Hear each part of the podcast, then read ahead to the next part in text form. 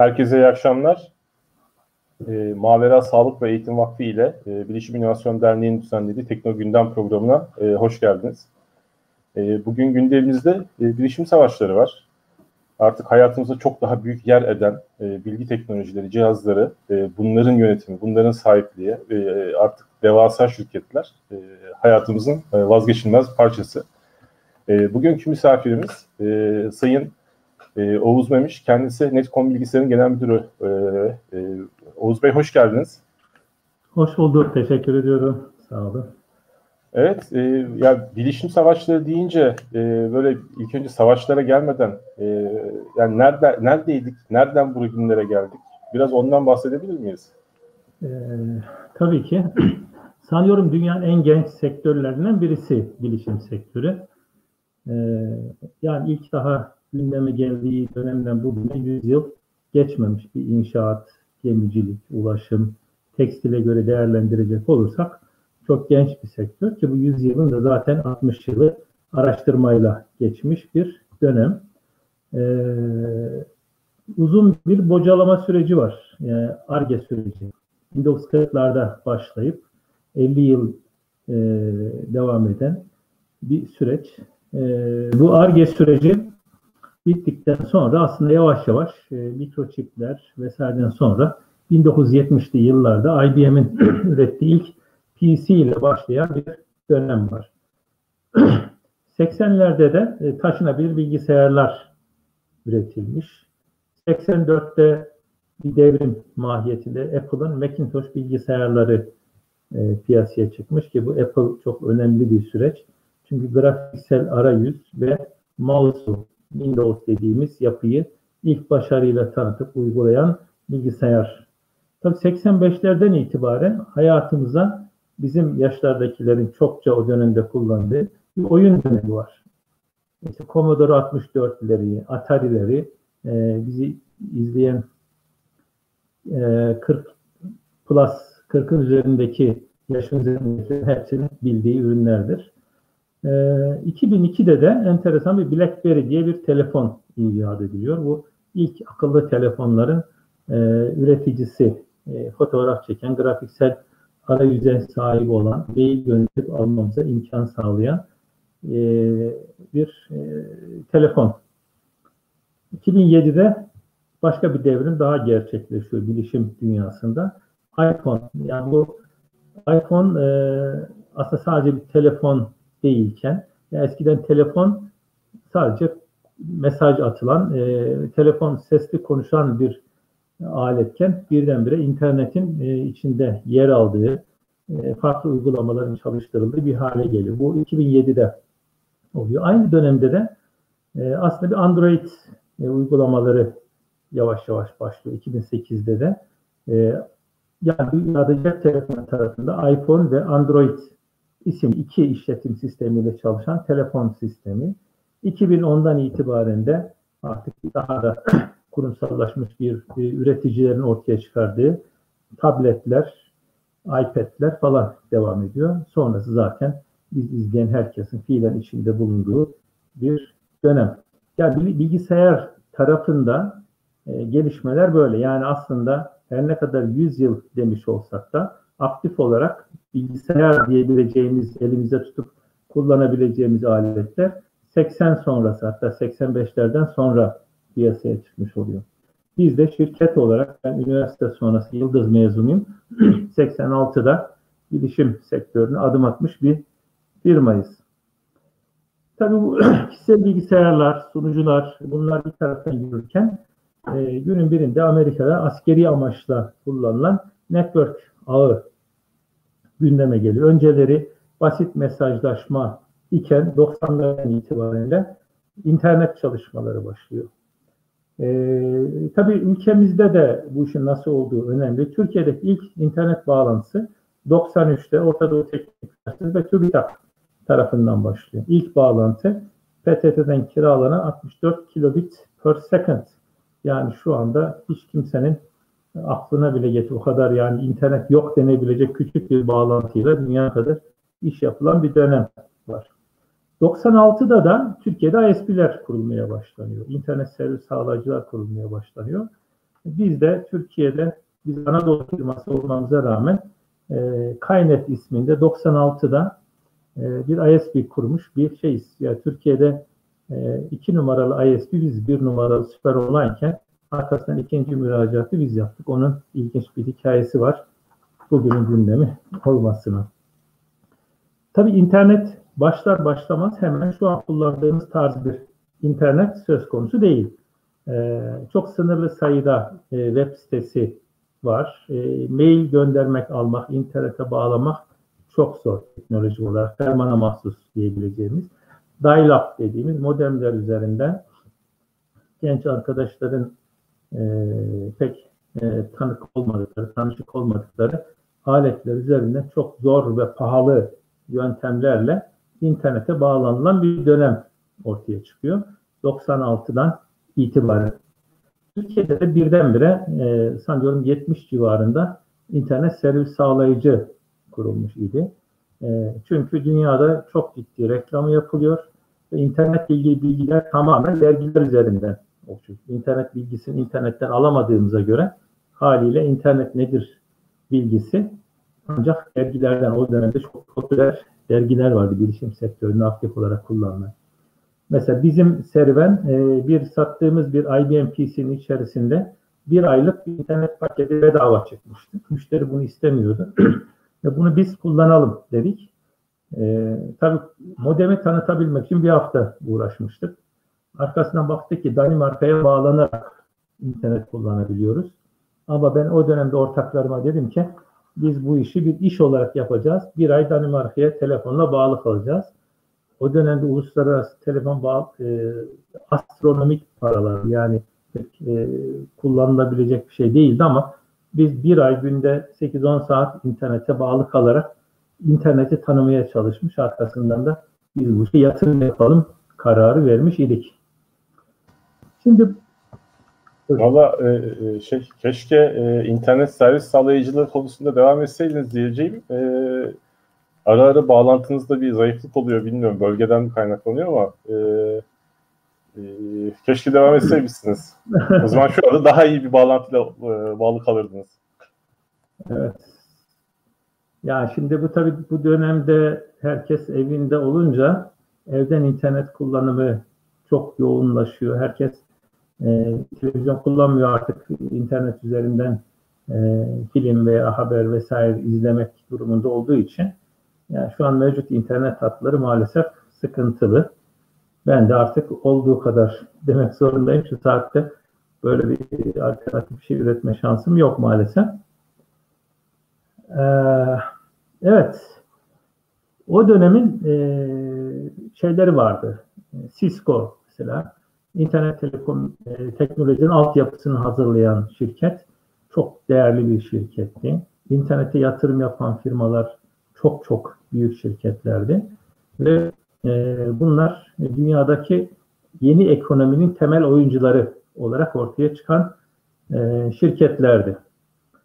E, bunlar o kadar büyüdüler ki herkes bu işe yatırım yapmaya başladı. Nasdaq diye bilişim sektörünün ayrı bir borsası Amerika'da oluştu ve 400'ün üzerinde internet şirketi e, bu borsada faaliyet göstermeye başladı. Kaba tabirle e, toplam ekonomi içerisinde kıytırık bir pozisyondayken birdenbire e, Amerikalılar bu işin çok büyüyeceğini düşünmeye başladılar ve e, çok kısa bir sürede Amerika ekonomisinin yüzde sekizi gibi yani bindeyle ifade edilebilecek bir teknoloji süreç yüzde sekiz gibi bir kapasiteye ulaştı. E, her gün borsadaki değerler birkaç kat yükseliyordu ve e, bu bir aslında balondu yani bir gerçekliği olmayan hayali bir şey ve buna dotcom e, sektörü dendi ve e, 2000'lerin başında bu dotcom balonu patladı. Yani bu bir büyük bir krizdi. Dünya kadar iflaslar oldu, intiharlar oldu ve e, Nasdaq'ın hisse senetleri yüzde 86 oranında küçüldü. Dünya devi Cisco diğer bütün şirketler batma noktasına geldi. Amazon hisseleri 107 dolardan 7 dolara kadar geriledi. Tabii e, bu şirketlerin tamamına yakını borsada faaliyet gösteren internet şirketleri e, Amerika'da battı. Sadece tozlar durulmasının ardından ayakta kalmayı başaran Amerika'da Amazon, Google ve eBay firmaları kaldı. Ya bunlar e, hala biliyorsunuz o dönemde ayakta kalmayı başarmış olan şirketler yeni ekonomide, yeni dünyanın dev şirketleri, dünyanın en büyük şirketleri haline gelmiş oldu. Evet, biz de 86'da Kaynet'i kurmuştuk. Ee, kısa bir süre sonra enteresan bir şekilde Türkiye'de internet e, aslında kimse kullanmıyor, kimse bilmiyor. E, doğru düzgün internet servis sağlayıcı yok, şey yok, internet sitesi yok. Ama internete bağlı kalmak çok önemli bir ekonomi haline geldi. E, ben yaştakiler veya biraz küçük arkadaşlarımız hatırlar. Televizyonda reklamlar açtığımız zaman 10 dakikalık reklamın 7 dakikası internet servis sağlayıcı reklamıydı. Hem de komik komik yani saçma sapan. Ama Türkiye'deki bütün bankalar internet servis sağlayıcı oldu. Büyük şirketlerin hepsi Sabancılar, Koçlar, Akbanklar, Vakıfbank bile internet servis sağlayıcı. Çünkü dünyadaki o e, .net, e, .com e, patlamasından, balonundan önce yani dünyada bu kadar değerliyse bizde de değerli olmalı diye düşüncesiyle ve çok sayıda büyük şirket bizi satın alma girişimlerinde bulundu. o zaman 3 milyon dolar teklif etmişlerdi. Ya bu kadar kıymetliyse niye satalım dedik. Çok genç yaşlıyız tabii o dönemde. E, oysa tüm yatırımımız 150 bin dolar değildi yani yaptığımız e, yatırım. Ee, ya niye bu kadar kıymetli diye de sürekli düşünüyorduk. Keşke satsaymışız o dönemde. Maalesef satmadık. Elimizde patladı. Ardından Türkiye'de bir servis sağlayıcıları kendine rakip gören bir Ulaştırma Bakanı Enis Öksüz, MHP'nin bakandı. Devletçi bir kafa yapısıyla internetin e, telekom altyapısını yani ses konuşma e, şeyini baltalayacağını düşündüğü için 6 ay içinde Türkiye'deki bütün servis sağlayıcılar tamamı iflas etti ve ortada sadece bir TT-Net kaldı Türk Telekom'un yapısı.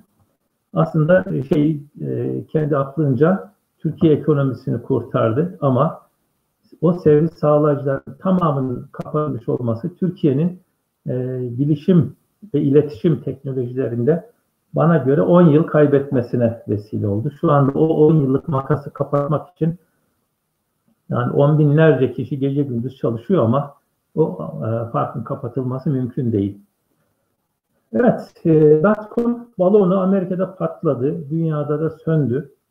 İnternet yıkıldı o yıllarda ama yeniden küllerinden tabiri caizse küllerinden internet doğdu.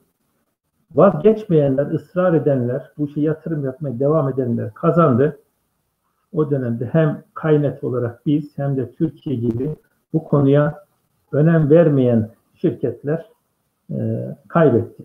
Çünkü artık yeni dünya düzeninde internet sadece bir internet bağlantısı değildi. Daha başka bir şeydi. Bunu görmek, e, bu konuda kafa yormak çok önemliydi. Aslında ben bunları gören birisiydim biraz kehanet gibi olacak ama ben şimdi bir sunum göstereceğim e, dostlara. Bu e, 21 yıl önce Konya'da bayilerimize yaptığımız bir toplantıda söylediğim şeyler aslında bugünü anlamak açısından oldukça enteresan. Hemen o sunumu bulmaya çalışacağım. Yani neredeyse çeyrek asır önce yaptığınız bir sunumdan bahsediyorsunuz. Evet, çeyrek asır önce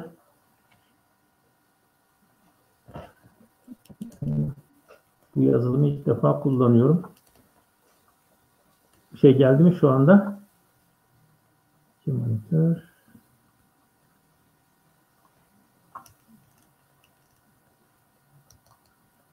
Bir dakika böyle gösteriyorum.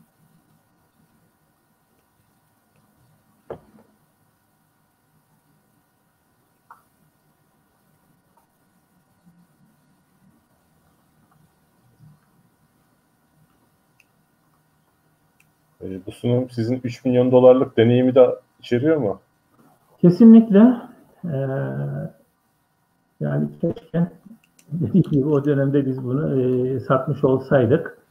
E, şuradan şey açtım. E, Stockshare screen share. E, sunumu açıp paylaştırdıysanız e,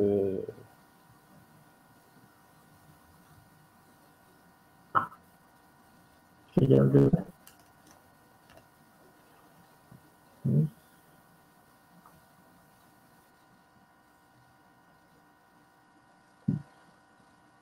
Evet. Ee, Oğuz Bey ISP internet servis sağlayıcısını e, devam ettirmedi herhalde. E, o yüzden bugün e, o bölgedeki mevcut e, servis sağlayıcıların e, şeyine kaldık. E, insafına kaldık tabiri caizse. E, Oğuz Beylerin internet servis sağlayıcısı kurduğu dönemlerde ben de e, BBS'lere, Bulletin Board Systems diye ya da Services diye geçiyordu galiba. Evet. E, tahtalar. Kusura bakmayın. Herhalde evet. e, şu anda şey oldu. Evet bir düştünüz tekrar geldiniz. Ben de tam sizin internet servis sağlayıcısı hizmetleri verdiğiniz dönemlerde BBS'lere bağlandığımdan bahsedecektim. Aa, Eğer sununuz... siz, siz bence onu devam ettirin. Tamam. E, BBS'lere ben de bağlanıyordum. Hatta e, BBS'lerden program alıyorum. Şehir dışı, yurt dışı bağlanıyorum. E, kimse de olmayan programlar de geçiyor. O zamanlar böyle bir market yok. Yani telefonlardan, yani dial-up bağlanıyoruz zaten. E, dial-up dediğim telefon numarası arayarak bağlanıyoruz. E, tabii e, her şey çok daha bugünkünden zor. Yani düşünülecek bir şey değil e, bilgisayarın internete bağlı olmadığı durumu şu anda tahayyül edemiyoruz, düşünemiyoruz. Ama o zamanlar bağlı olduğumuz durumlar istisnaydı. E, haftada birkaç saat bağlanmak e, büyük olaydı. Evet. Şimdi nereden nereye geldik? E, siz sunumu tam ekran yapabildiniz mi? İsterseniz e, share screen deyip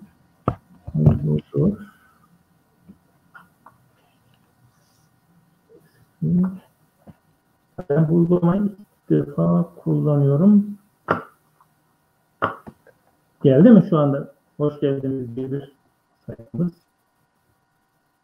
Gelmedi herhalde. Şu anda geldi. PowerPoint ekranını gördük. Tam ekran paylaştırmışsın tamam. sanırım. İsterseniz tam ekran yapın. Evet. İnternetle yaşayan ve biz. Tamam çok güzel. Hemen şöyle yapıyorum. Bu 19 Kasım 2000'de Konya'da bir şey. Logomuz buydu. Adımız Kaynet. Ben diyorum ki o dönem internet pazarı Türkiye'de ve dünyada bu konu başlıkları. Buraları geçeyim. Ee, ifade şu internet nerede diye soruyorum. Çok yakın gelecekte internet insanlığın en temel ihtiyaçlarının birisi haline geliyor. Bunu, bunu herkes söylüyor ama 21 yıl önce söylemek enteresan. Yani e, çok yıllar sonra tesadüfen buldum bu sunumu. Ee, çok yakın gelecekte ürün ve hizmet tanıtımı, alışveriş, ödeme, tahsilat, pazarlık, ihale nokta nokta internet üstünden yapılacak demişim. Çok yakın gelecekte her türlü medya faaliyeti internet üzerinden gerçekleşecek. Yazılı, sözlü, görüntülü, hızlı, ucuz ve arşiv ile birlikte olacak ve tüm dünya. Yani gazete almak için bayiye gitmeyeceksiniz. Yurt dışında da olsanız hepsini okuyacaksınız diye anlatmışım çok yakın gelecekte tüm dünyadaki bilgiye doğrudan erişilebilen bir imkan eğitimin vazgeçilmez aracı olacak. Bu dönemde en çok konuştuğumuz şeylerden birisi. Biraz da ironi katmışım herhalde. İnsanlar pijamaları ile evlerinde dünyalarla sohbet edip oyun ve kumar oynayacaklar. Sanal dostluklar gerçekleştirilebilecektir. Yine çok yakın gelecekte araştırmacılar projelerini insanlığa açık katkı isteyecek sorunlarını listelere gönderip bilenlerden anında cevap alabilecek, anonim çözümler ortaya çıkacak Linux gibi demişim. Yazılı, sesli, görüntülü haberleşme IP'nin sırtına yüklenecek diye de bir değişik bir ifade kullanmışım. Ürün, hizmet, kurum, din, siyaset, düşünce buradan tartışılacak ve kolay kolay da yasaklanamayacak demişim. Yaşamın her alanında internet olacak. Tıpkı tele, telefon, televizyon, gazete gibi demişim. İnternet pazarın büyüklüğünden de en gözde sektör haline gelmiştir. Çok büyük yatırımlar yapılmaktadır. Bu trend artarak devam edecektir. Reklamı büyük küçük sektör Türkiye'de de böyleymiş. Türk Telekom tekeli sürüyor. Patronlar ve medya iştahlanıyor. sansür imkanı araştırılıyor diye e, Türkiye'deki uygulamayı anlattığım bir e, böyle bir şey. Yani şimdi e, şunu herhalde kapatırsam ya bunu 21 yıl önce Konya'da anlatmışım. Ya o dönemde kimse bana inanmıyordu. Ee, bizim ortaklarım bile bu şey daha fazla yatırım yapmayalım, para harcamayalım, çöpe gidiyor, bir getirisi yok diyordu. Ee, para dergisi diye o dönem çok bir ekonomi dergisi vardı. Bunlar e, Kayseri'de olduğumuz için Kayseri'ye gelip bizim uydu antenin önünde fotoğrafını çekip Anadolu'nun internet zenginleri diye kapak yapmıştı bizi. Ya böyle bir dönem yaşadı ama Türkiye'de bu kadar maalesef devam etmedi bu iş. Ee, bir de çöktü. 2000'li yıllarda Enis Öksüz'ün maharetiyle. Çünkü aslında o dönemde Türkiye çok sayıda e, fiber optik kablo yatırımı yapıyordu. Yani her yer yani, e, internete ihtiyaç en temel yapı özel o dönem Türkiye'de yapmıştı. Evet Konya'da söylediklerimin hepsi gerçek oldu. Şu anda tüm dünyada medya, alışveriş, bankacılık, iletişim, eğitim, eğlence, kumar, ahlaksızlık, iftira vesaire hepsi internet platformunda dönüyor. Kendi küçük bir ekonomiyle etkisi büyüktü ben öyle söylemişim. Artık ekonomisi de çok büyük. Yetmedi. Veriye sahip olan insanlığı da sahip olanlar insanlığı da yönetmeye başladılar. Yazılımlar, veri tabanları, analitik, yapay zeka, big data vesaire. Bunlarla safe, güvenli şehirler, e, akıllı şehirler, e-devlet, sosyal medya ortamları artık hepimizin kullandığı argümanlardan birisi oldu. Biz bunlardan neymiş derken birileri bu platformları kullanarak dünyayı değiştiriyor. Bizi dinliyorlar, izliyorlar, anlıyorlar, tanıyorlar, tavsiye ediyorlar, manipüle ediyorlar, yönlendiriyorlar, kandırıyorlar ve hepimizi birer sosyal medya, arka taraftaki yapay zeka ve big data'yı yönetenler bizleri bir yönetilebilecek varlık gibi görmeye başladılar. Daha birkaç gün önce yaşadığımız bir hadiseyi ben anlatmak isterim. Bir arkadaşımla Ankara'da bir otelde kaldık. Arkadaş çok gecikti. Açıyorum telefona da cevap vermiyor. Bir süre sonra geldi dedi ki ya şey yok telefonum kayboldu odada. Güvenliklerle gittik baktık pencerenin önünde alüminyum üzerinde duruyor. Allah Allah falan dedik. İndik aşağıya telefonunu açtı. Gelen mesaj şu. Ee, yani e, telefonların bizi dinlediğinin ifadesi olarak işte şu, şu servisi açarsanız kaybolmuş telefonlarınızı daha çabuk ulaşabilirsiniz. Ya bu daha 3-4 gün önce yaşadığımız bir hadise. Ya artık e, biz bir insan, bağımsız insan olmaktan öte birilerini yönlendirdiği eşya hükmündeyiz maalesef böyle bir dönem. Bu kadar da etkili bir fırsattan yani internet teknolojileri, bilişim artık bu. Eskiden para kazanamıyorlar. Küçük bir sektördü. Artık çok büyük bir ekonomi. Daha çok para kazanıyorlar. Daha çok insanı ele geçiriyorlar. Yeni teknolojiler geliştiriyorlar. Yarış tam gaz devam ediyor. Bu yarışta oyuncu değilseniz ancak taraftar olursunuz. Taraf olmayan da ber taraf olur sözünün tam olarak yerleştiği bir e, şey yaşıyoruz. Yani biz oyuncu değilsek, bu sektörde temel bir figür değilsek başkalarının oyuncağı olmaktan öte bir şey yapamayız. Bana ne deme şansımız yok. Diyelim ki Küba bir takım teknolojilere kapattı ülkeyi ama interneti kapatma şansı yok. İnternet varsa her şey vardır. Bu bilişim ve internet teknolojilerinin ana oyuncusu e, Amerika. Çünkü adamlar çok çalışmışlar 100 yıldır çalışmışlar. Bir teknolojileri, yazılımları geliştirmişler. Standartları koymuşlar. E, elbette bunun doğal sonucu olarak da patron olacaklar. Fakat bu 100 yıl sonra patron yoruldu. Aslında bugün ana konuya gelecek olursak.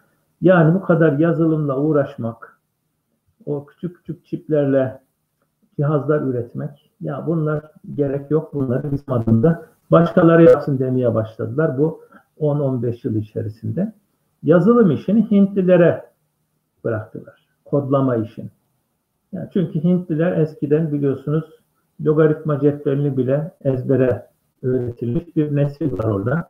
Matematiğe herhalde daha yatkınlar ki kodlama işini bir buçuk milyarlık bir veya bir milyarın üstündeki nüfusa Hintliler bu işlerle uğraşsınlar, bize bedava çalışsınlar dediler. O işleri kodlama işini Hintlilere havale ettiler.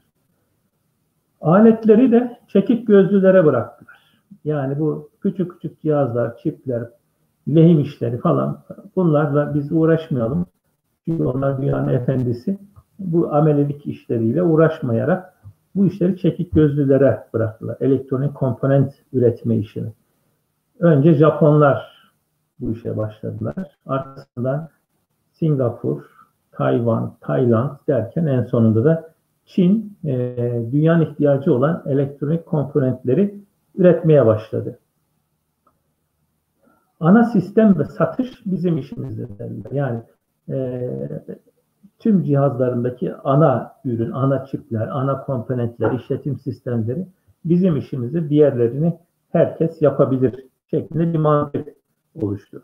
O dönemde önemli markalar ortaya çıktı biliyorsunuz. Japonlar Sony'yi ortaya çıkardılar.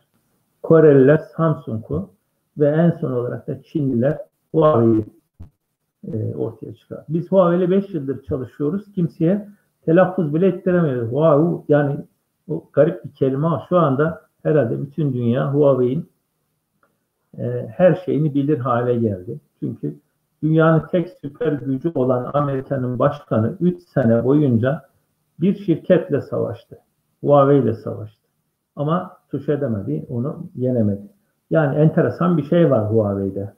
Şu anda e, herhalde hepimizin yakından tanıdığı, izlediği, aletlerini kullandığı, dedikodularıyla sürekli haşır neşir olduğumuz bir marka haline geldi. Tabii bu üç temel üreticinin de yüzlerce e, alt taşeronu veya benzer ürün geliştiren yeni teknoloji firmaları özellikle Çin'de ortaya çıktı.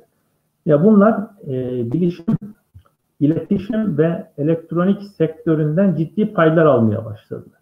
Ama tamamı ana ürünlerini yine Amerika'dan alıyor. Amerika'da Windows, Microsoft ürünleri orada, Office uygulamaları orada, Android orada, e, veri tabanları orada. Yani asıl kritik ürünler orada ve cihazların içindeki en pahalı cihazlar yine Amerika'dan alınmak zorunda. Çin'de üretiliyor olsa bile yine Amerika'dan alınıyor.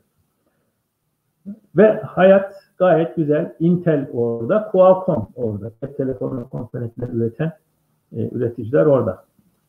Bu Amerika için sorun değil. Ham maliye ve angarya işlerini çekik gözlere ve Hintlilere bıraktı.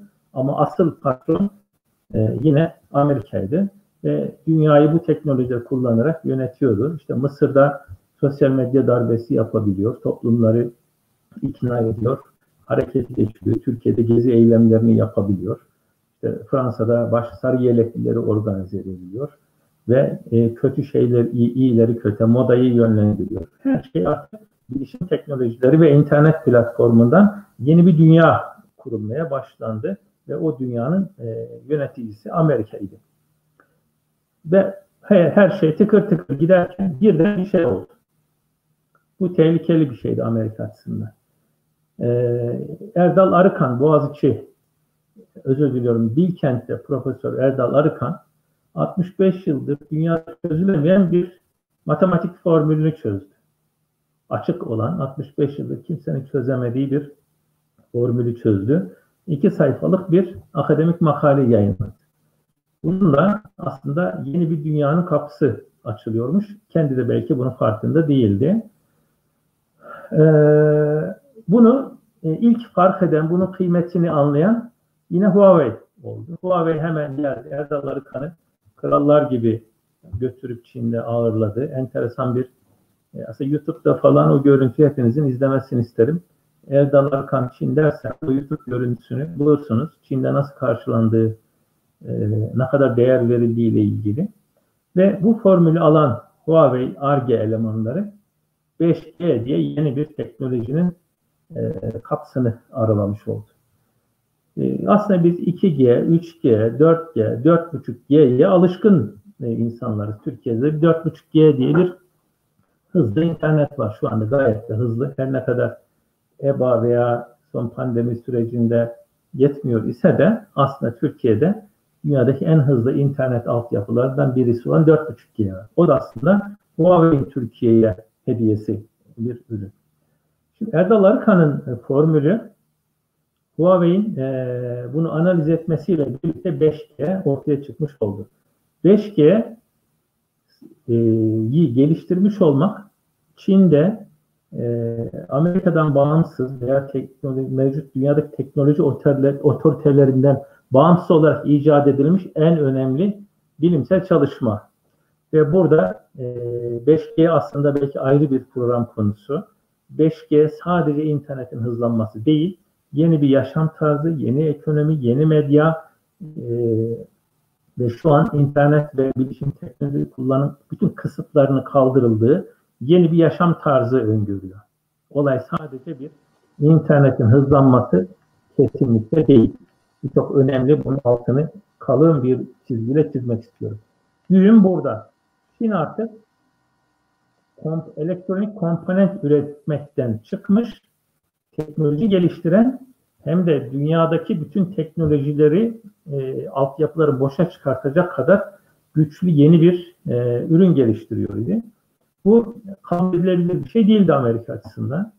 Tabii bizler için e, bizim hayatımızda Türkiye'nin ekonomisinde bilişim sektörü küçük bir sektör olduğu için ya Türkiye işte tarım, e, otomotiv vesaire üreten bir ülke ama hayatının e, ana damarları bilişim ve iletişim teknolojisi olan ülkeler ki başta Amerika olmak üzere Amerika'nın elinde bu teknoloji gidiyor ayağın altından kayıp gidiyordu. Buna önlem alması gerekiyor. 5G dediğim gibi sadece iletişim değil, başka şey. 5G çok farklı bir e, dünya ve dünyanın bilgisi 5G'nin tüm dünyada yerleşmesi halinde ki pandemi olmasaydı şu anda muhtemelen bizler 5G kullanıyor olur idik. E, bütün dünyanın bilgisi Amerika'ya akarken birdenbire bu yön değiştirip artık Çin'e gitmeye başlıyor. Veriden, bilgiden daha kıymetli dünyada şu an hiçbir şey yok. Bu e, izleyicilerimizin yakın bildiği konu bilgi, veri ve bunun analizi aslında dünyada şu an yeni dünya düzeninin en temel figürü sonuçta bu. Bir örnek vereyim. E, Amerika nüfusu dünya nüfusunun yüzde üç buçuğu. Ama Amerika'da e, storage dediğimiz veri depolama üniteleri var. Yani bizim şu an konuşu bir yerde kaydediliyorsa o ürüne storage, storage diyoruz. Depolama ürünü. Dünyadaki satılan depolama ürününün yüzde 55'i Amerika'da satılıyor. Yüzde üç buçuk nüfus yüzde 55'ini Amerika'da kullanıyor. Yani bunlar bütün dünyanın bilgisini topluyorlar, analiz ediyorlar, bunun üzerine strateji koyuyorlar e, ve toplumları değiştiriyorlar, yönetiyorlar. E, bu storage satış oranı e, aslında bu söylediğim şeylerin e, en güzel e, ispatlarından birisi. Şimdi Amerika artık e, F-35'lerle e, nükleer silahlarla dünyayı yönetmiyor. Bilgiyle yönetiyor. Elinden bilginin kayma ihtimali Amerika için kabul edilebilir bir şey değildi. Ve e, buna karşı önlemler almaya çalıştı. Önce ticaret savaşları dediğimiz bir şey başladı Çin'e karşı. Çin'in teknolojik ürün üretimini engellemeye çalıştı. Çok büyük baskılar yaptı. E, Çin artık bu oyuna gelmedi. Bu sefer Çin'e değil Huawei'ye yani doğrudan bir şirkete operasyon başlattı.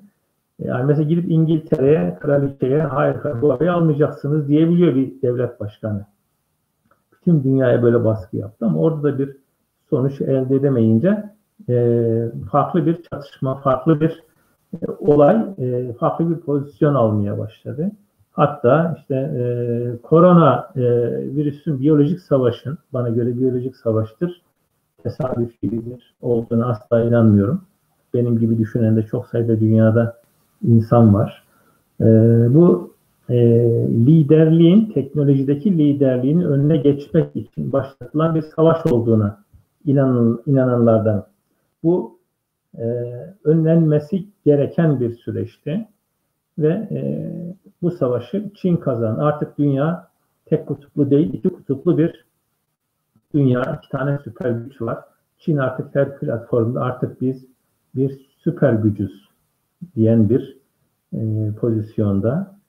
E, böyle bir süreç yaşanıyor. Biz neresindeyiz? Maalesef hiçbir yerindeyiz. Yani şu anda WhatsApp'ı kullanalım mı, kullanmayalım mı? E, bizim verilerimiz kaydediliyormuş. Telefonlardan zil varmış falan hala olayın dedikodusunu yapmaktan ibaret.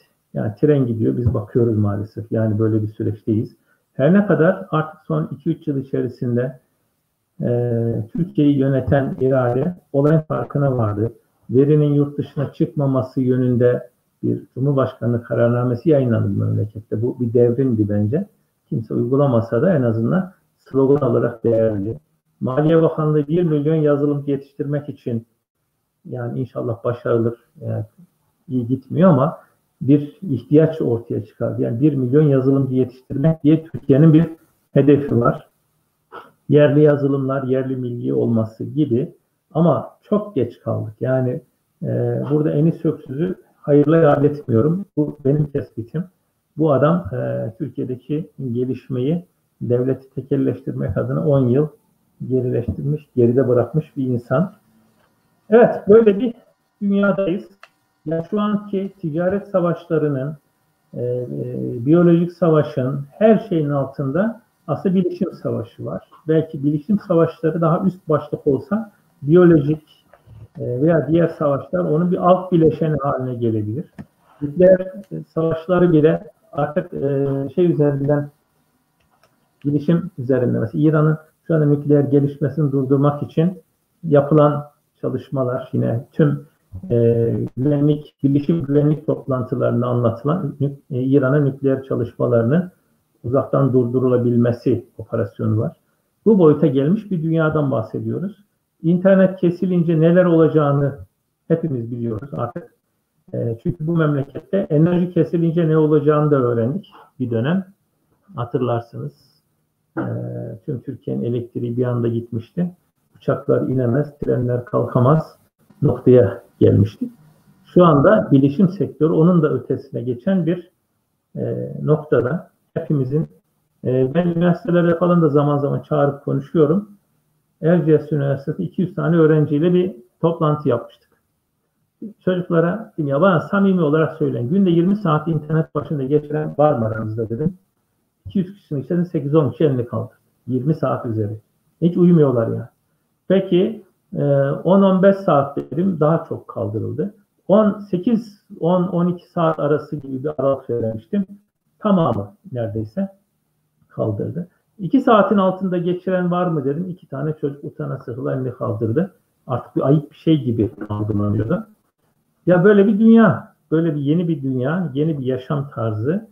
Ee, artık ben e, bunun kötü bir şey olduğuna değil, yani toplum olarak internet ve bilişim teknolojileri artık kötü, uzak durulması gereken bir nesne olmaktan çıkıp bunu iyidir kabul edip ama bunu yönetmeyi, bundan faydalanmayı, bundan korumayı e, hem kendimiz hem topluma üretecek insanlar olmalıyız. Böyle bir strateji üretmeliyiz. Bizim derneklerimiz, vakıflarımız toplumu, insanı bu yönde uyarmalı. Ve bu bilişimin savaşlarının bir payandası değil, orada aktör olmayı hedeflemeliyiz aktif çalışmalar yapmalıyız. Mesela Mavera Vakfı bildiğim kadarıyla 2-3 yıldır yani pandemi öncesinde de bu tarz e, faaliyetleri yapıyor idi. E, ama şu anda herkes, her öğretmen, her öğrenci, her çocuk artık uzaktan eğitimle video konferans e, set eden insanlar haline geldi. Ama biz sadece kullanıcıyız, maalesef üretici değiliz. İnşallah toplum ve kurumlarımız bu yönde de e, gelişme kat eder e, aktör oluruz, oyuncu oluruz, yönetici oluruz sektörde. Benim e, söyleyeceklerim Oğuz Bey ben e, şimdi evet. az önce şey dediniz tren gidiyor biz bakıyoruz dediniz mi? Trenin e, o en baştaki lokomotifi e, modelleyenlerden bir tanesi e, Erkan Arıkan dediniz bir yandan da. Evet. Yani Erkan Bey bir yandan lokomotife yön veriyor, şekil veriyor. E, nasıl bir piston gücüm olacak, ne olacak, neyle çalışacak diyerekten şey yapıyor. Bir yandan da evet yani Huawei'ye danışmanlık yapıyor olabilir ama sanırım e, Türkiye'de de çalışmaları var. Türkiye'de de çeşitli kamu kurumlarıyla düzenli olarak toplanıyor. Şu anda e, izleyici, izleyicilerimiz arasında bu konuda e, görüş paylaşan e, arkadaşlarımız var. e, mesela bir kamu kurumumuzla düzenli olarak görüştüğünü, yani rutin olarak bir planlama yaptıklarını, çalışma yaptıklarını paylaşmış kendisi. Hatta e, Cumhurbaşkanlığı'nın 5G ve ötesi eylem planıyla bir çalışması da olduğundan bahsetmiş. E, dediğiniz gibi 5G sadece internet hızı değil, yani hayatımızın her şeyini değiştirebilecek bir şey. E, biz bu süreçte sadece izleyici mi olacağız? Yani izleyici olmanın dışında bir şeyimiz yok mu? Bir de e, siz de söylediğiniz verimiz yani dünyanın verisi daha doğrusu Amerika'ya akıyordu. Sonra Çin'e akmaya başladı dediniz. Ya bizim verimiz bir yere akmasa, bizde kalsa olmaz mı? Ya da Çin'le Amerika arasında ne fark var? Stratejik sorular. Önce şunu söyleyeyim. Ben Çin'de yani görüştüğüm Erdal Arkan'ı tanımayan kimse yok. Ama Türkiye'de de tanıyan kişi çok az. Ee, yani aslında bir Nobel ödülü alan e, hocamız kadar bence kıymetli birisi. Yani stratejik bir iş yapmış. 65 yıllık çözülemeyen soruyu çözmüş. Ama tabii bunu ürünleştirmek bize kısmet olmadı. Yani e, Türkiye'de bu kişinin e, yeterince tanıtılmadığını, e, örnek insan haline getirilmediğini düşünüyorum. Burada bence büyük bir sorumluluk altındayız. Keşke bunu yapabilsek. Yani o e, bunu ürünleştirme, bizim fikirlerimiz var, çalışmalarımız var ama bunu ürünleştirip insanın hizmetine sunma, bundan bir ekonomik gelir elde etme konusunda maalesef çok zayıf bir toplumuz. İnşallah bu süreci de aşarız diye ümit ediyorum. Ya şimdi şöyle şeyler var. Yerli milli bir dalgası var. Şu anda birçok kurum her şeyin yerli milli olmasını istiyor. Ee, ama enteresan bir şekilde donanım üretmek yerli. Yani ya bu tren gerçekten gideri çok olmuş. Yani yıllar olmuş. Şu anda Türkiye'de yapılacak olan şey bizlerin ön ayak olup insanları yönlendireceğimiz şey e, artık donanım üretmekten ziyade donanım artık çok önemli bir şey olmaktan çıktı. E, sistem, işletim sistemi, veri tabanları, uygulamalar geliştirmek, YouTuber'larımızın oluşması, insanlara, gençlerimize, neslimize faydalı şeyleri güzel bir dille anlatabilecek insanlarımızın oluşması lazım. Ya bu konuda destek olmamız gerekiyor. Yani bir çocuk YouTuber bir 15 dakikalık video koyuyor. Bir gün içerisinde 10 milyonun üzerinde insan bunu izliyor. Yani değişik bir şey. Hiçbir siyasetçi, yazar, edebiyatçı, fikir adamı bir şey koysa işte 100 bin bir gün içerisinde izletiremez. Cumhurbaşkanı bile çok zor. Ama e, bu insanlar genellikle ne yapıyorlar? Boş lagalugoyla ömür tüketiyorlar. E, yeni e, aslında bu anlamda girişimcilere, fikir adamlarına, yeni zamanı ruhuna uygun ifadeler, tanıtımlar, çalışmalar yapabilecek insanlara ihtiyacımız var. Zamanın ruhu çok güzel bir kelime. Bu çok Demir'in Türkiye, Türkçe'ye kazandırdığı bir kelime. Ee, çok anlamlı. Kitap gibi iki harf ama ya bunu hepimiz kullanmaya başladık. Fakat bu ne demektir? Nasıl davranmak gerekir? Bunun bir arka planı var mıdır? O konuda çok e, kafa yormuyoruz. Yani zaman bizden ne istiyor? Artık şu anda donanım üretmeyi mi istiyor bilişim sektöründe yoksa başka çözümler mi, stratejik işler yapmamızı istiyor? Bilgi yurt dışına gidecekse nasıl gidecek? Niye gitmeli? Niye gitmemeli? Nerede saklamalıyız? Diyelim ki göndermedik. Ne yapacağız biz bilgiyi? Nasıl analiz edeceğiz? Ya bunlar çok büyük sorular. Ee, biz Türk toplum olarak maalesef transfer etmeyi, alıp getirmeyi, para verip kullanmayı daha çok seviyoruz. Ee, bu yöndeki küçük girişimleri de kimse desteklemiyor. Başta kamu olmak üzere. Evet, yerli milli dalgası var şu anda. Yani bilişim dünyası en önemli e, kavramlarından birisi haline geldi. Türkiye için söylüyorum. Ama e, yasa bile çıksa ertesi gün bunu nasıl atlatırız? Derdine düşen yöneticilerimiz var. Yerli hiçbir ürünü almak istemeyen, ille de Amerikan malı olsun diyen şeyler var. Hala bu memleketin en önemli kamu kuruluşlarının başında İsrail menşeili network güvenlik cihazlarını kullanabilmeyi maharet zanneden insanlarımız var. Yani bizim vergilerle toplanan paraları İsrail'in siber güvenlik cihazlarını satın alarak değerlendiren insanlar var. Oysa bu cihazların, işletim sistemlerin, çiplerin her birinin e, biraz önce telefon örneği, oteldeki telefon örneği verdiğim gibi artık her birinin bir siber casus olduğunu biliyoruz. Yani bu e, kapatarak da mümkün değil. Hiçbir özel yani Şu anda WhatsApp e, bir şey yani herkes tepki gösteriyor ama ya ben de WhatsApp'tan çıkmaya çalışıyorum. Ama Telegram'a gittiğimiz zaman ne olacak? E, BIP kimdir? Yani aslında bunlar her biri bir muamma. Ya en azından Çin'in öne çıkması tek kutupludan iki kutuplu bir dünyaya geçiş açısından bir avantaj. Ee, bu sefer her e, dünya devi kuruluş işte bizim gibi ülkelere yakın olmaya çalışıyor. Ee, ve onlar bizim işbirliği sadece müşteri gibi görmekten işbirliği yapmaya, partner olmaya davet ediyorlar. Bunları yapabiliriz. Ee, buradan bir takım fırsatlar çıkabilir. Biz işe öğrendiğimiz zaman, çözümler geliştirdiğimiz zaman oralara satmayı hedefleyebiliriz. Ama topladığımız verinin anlamlandırılması konusunda maalesef Türkiye e, arka vagon değil yani bayağı geride. Ee, ben sizin kadar karamsar değilim. Ee, İnşallah yani, haklısınız. E, e, genç bir nüfusumuz var. Eğer genç nüfusa doğru zamanda doğru şekilde yatırım yaparsak ben çok büyük bir fark oluşturabileceklerini düşünüyorum. E, bu, bu anlamda 1 milyon yazılımcı diye ifade edildi ama aslında 1 milyon bilişimci belki e, demek daha doğru olur. E, o tip bir program da çok mantıklı ama tabii ayağa yere basan uygulanabilir bir program olması kaydıyla. E, ben e, program boyunca arada e, çok fazla girmedim. E, en sonunda arka arkaya gelen e, yorumlardan yola çıkarak hepsini toparlayıp e, size so- sormaya çalıştım. E, vakit ayırdığınız için çok teşekkürler. E, çok keyifli bir sohbet oldu. E, en e, bir arkadaş şey yazmış. Ben yorumları şimdi gördüm. Aslında bir taraftan da şöyle bir göz atmak istiyorum. Çin Amerika'dan daha mı etik? Aralarında ne tür fark var? Bizde bir söz var. Ha, it yumuşak köpek bu ikisi aynı değil mi? Kesinlikle aynı. Ee, ama e, bu iki bu farklılıktan, bu iki başlıktan e, faydalanmamız lazım. Yani işte e, diyelim ki bir kamu alımı var.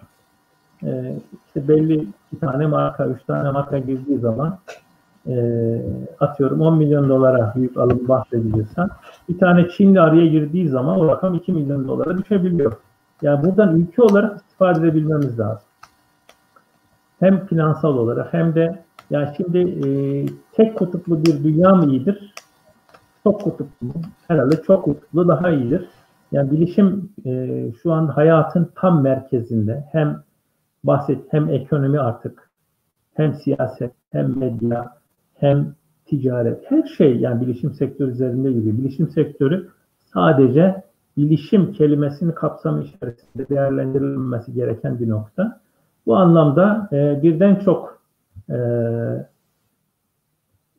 kutup olması Orada biz kendimiz daha e, başarılı işler yapabilirsek, daha etkin bir noktaya gelirsek e, faydamız olacak diye düşünüyorum. Yoksa yani al birini vur ötekine bu onların herhangi birini tercih etmek diye bir durumla karşı karşıya kalmak Allah korusun yani iyi bir e, sahne değil. Kesinlikle yani Çin veya Amerika arasında mukayese yapmak, biri birine tercih etmek. Yani Türkiye'de Çinciler var, Amerikancılar var. Biz de onlardan biri olalım yani çok tehlikeli bir şey. Ama ikisiyle de mesela Cumhurbaşkanımız bunu çok iyi yapıyor. Her iki tarafla da hatta diğer taraflarla da her biriyle Abdülhamit takdi derler ya yani her biriyle ilişki geliştirerek buradan e, fayda elde etmeye çalışıyor. Bu önemli bir siyaset. Yoksa tek başına Amerika teslim olmak bana göre çok sağlıklı bir siyaset değil. Yani bilişim sektörü siyasetin de göbeğinde artık. Yani e, anlatmaya çalıştığım şey bu. Tepede çok büyük kavga var. 10 sene önce böyle bir şey yoktu yani her şey Amerika'daydı. Diyelim IP Amerika'da, internet isim tescil hakkı Amerika'da her şey orada. Yani onlar düğmeye bastığı anda dünyadaki her şey bulabilecek güçleri var. Ama e, ya Amerika, Amerika Devlet Başkanı'na Twitter hesabını kapatabilecek bir şey. Bize neler yapabilir bu insanlar? Bunu düşünmek lazım. Yani ben bilişimle savaşı yan yana koyarak aslında bilişim yani IBM ile HP'nin savaşı değil. Yani bilişim gölgesi, şemsiyesi altında dünyada e, yeni bir nasıl ifade edeyim? Yeni bir dünya kuruluyor. Biz de burada yer almamız lazım. Evet genç nüfusumuz var. Buna şükretmemiz lazım. Ama bu genç nüfusu iyi yönlendiremezsek sadece iş için e, diploma ve sertifika almaya yönlendirirsek para kazanmak için olmaz. Yani şu anda yeterince motivasyon, e, olumlu örneklerin desteklenmesi gibi bir e, şey Türkiye'de yok. İnşallah bu olacaktır. Her geçen gün bu anlamda iyileşiyor. Onu da gözlemliyorum. Bu anlamda ümitliyim ama şu anki sahne çok da parlak değil. Evet, mevcut durumu doğru değerlendirebilirsek, teşhisi doğru e, yapabilirsek tedaviyi de uygulayabiliriz. E, tekrar çok teşekkürler. Çok keyifli bir sohbetti. E, Bilişim İnovasyon Derneği ile Mavera Sağlık ve Eğitim Vakfı'nın düzenlediği e, Tekno Gündem programından e, hepinize iyi akşamlar diyorum. E, Oğuz Bey tekrar teşekkürler zaman ayırdınız, katıldığınız için. Ben teşekkür ediyorum. Sağ olun. Var.